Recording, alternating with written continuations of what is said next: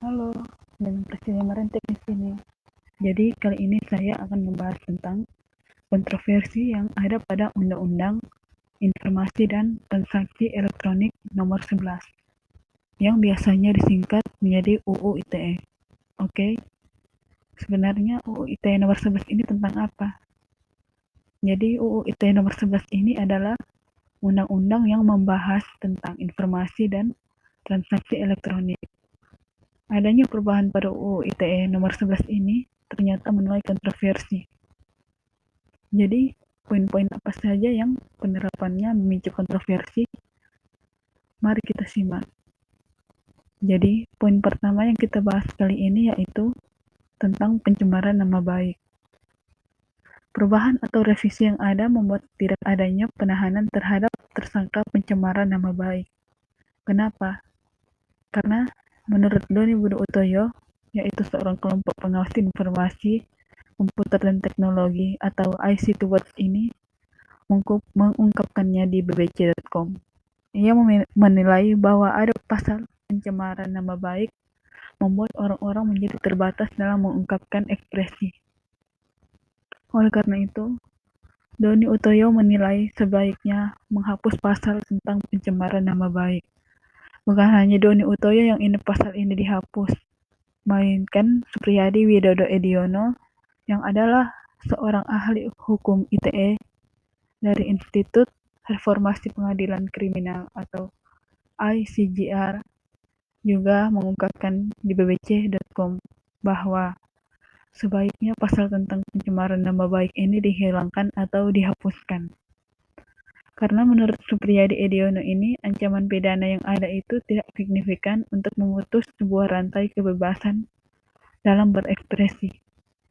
Dan Supriyadi Ediono ini mengusulkan untuk menggunakan pasal 310 sampai 311 KUHP yang ternyata masih berkaitan dengan pencemaran nama baik, yaitu tentang penghinaan secara lisan maupun tulisan. Oke, okay? Poin selanjutnya yang menuai kontroversi adalah blokir pemerintah. Pemutusan akses informasi elektronik oleh pemerintah adalah salah satu revisi atau perubahan yang ada dalam menuai kontroversi.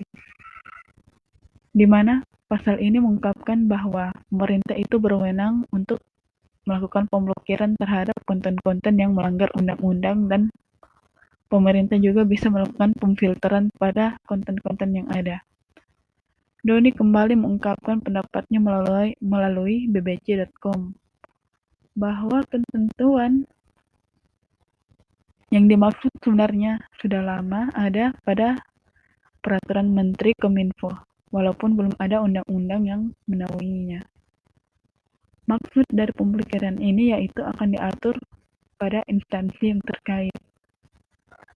Misalnya jika terkait dengan obat-obatan terlarang, maka pemblokiran akan diatur pada Undang-Undang Kesehatan, dan pemblokiran bisa diminta pada BPOM yang untuk melakukannya.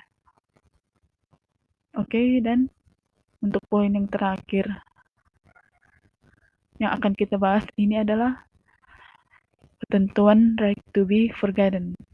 Jadi, ini adalah sebuah hak untuk dilupakan dengan berdasarkan keputusan dari pengadilan yaitu dengan menghapus sebuah konten informasi yang tidak baik dan tidak benar. Sudah banyak negara lain yang menerapkan right to, right to be forgotten ini, tapi Indonesia adalah negara pertama di Asia yang menerapkan ketentuan right to be forgotten. Nur Isa, yang adalah seorang juru bicara dari Kementerian Komunika Komunikasi dan Informasi, mengungkapkan melalui bbc.com bahwa melakukan penghapusan konten pada semua data internet ini bertujuan untuk membersihkan nama baik seseorang. Jadi hal ini dilakukan setelah adanya bukti dan keputusan dari pengadilan. Jadi konten-konten yang tidak benar ini akan dihapus dan dikeluarkan dari sistem yang terbuka agar tidak bisa dicari dan server server yang bersangkutan akan ditutup agar tidak bisa diakses lagi. Um, itulah beberapa kontroversi yang terdapat pada Undang-Undang ITE nomor 11.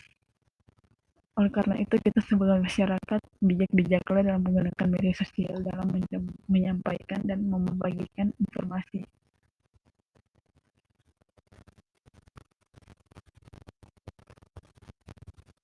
Walaupun pada undang-undang yang telah direvisi ini memberikan kelonggaran pada masyarakat dengan menghilangkan hukum penahanan, namun kesadaran daripada masyarakat sangat diharapkan oleh pemerintah. Dengan ini berakhirlah pembahasan kita tentang UU ITE ini. Saya Persilia Marentak mengundurkan diri. Stay safe dan ketemu lagi.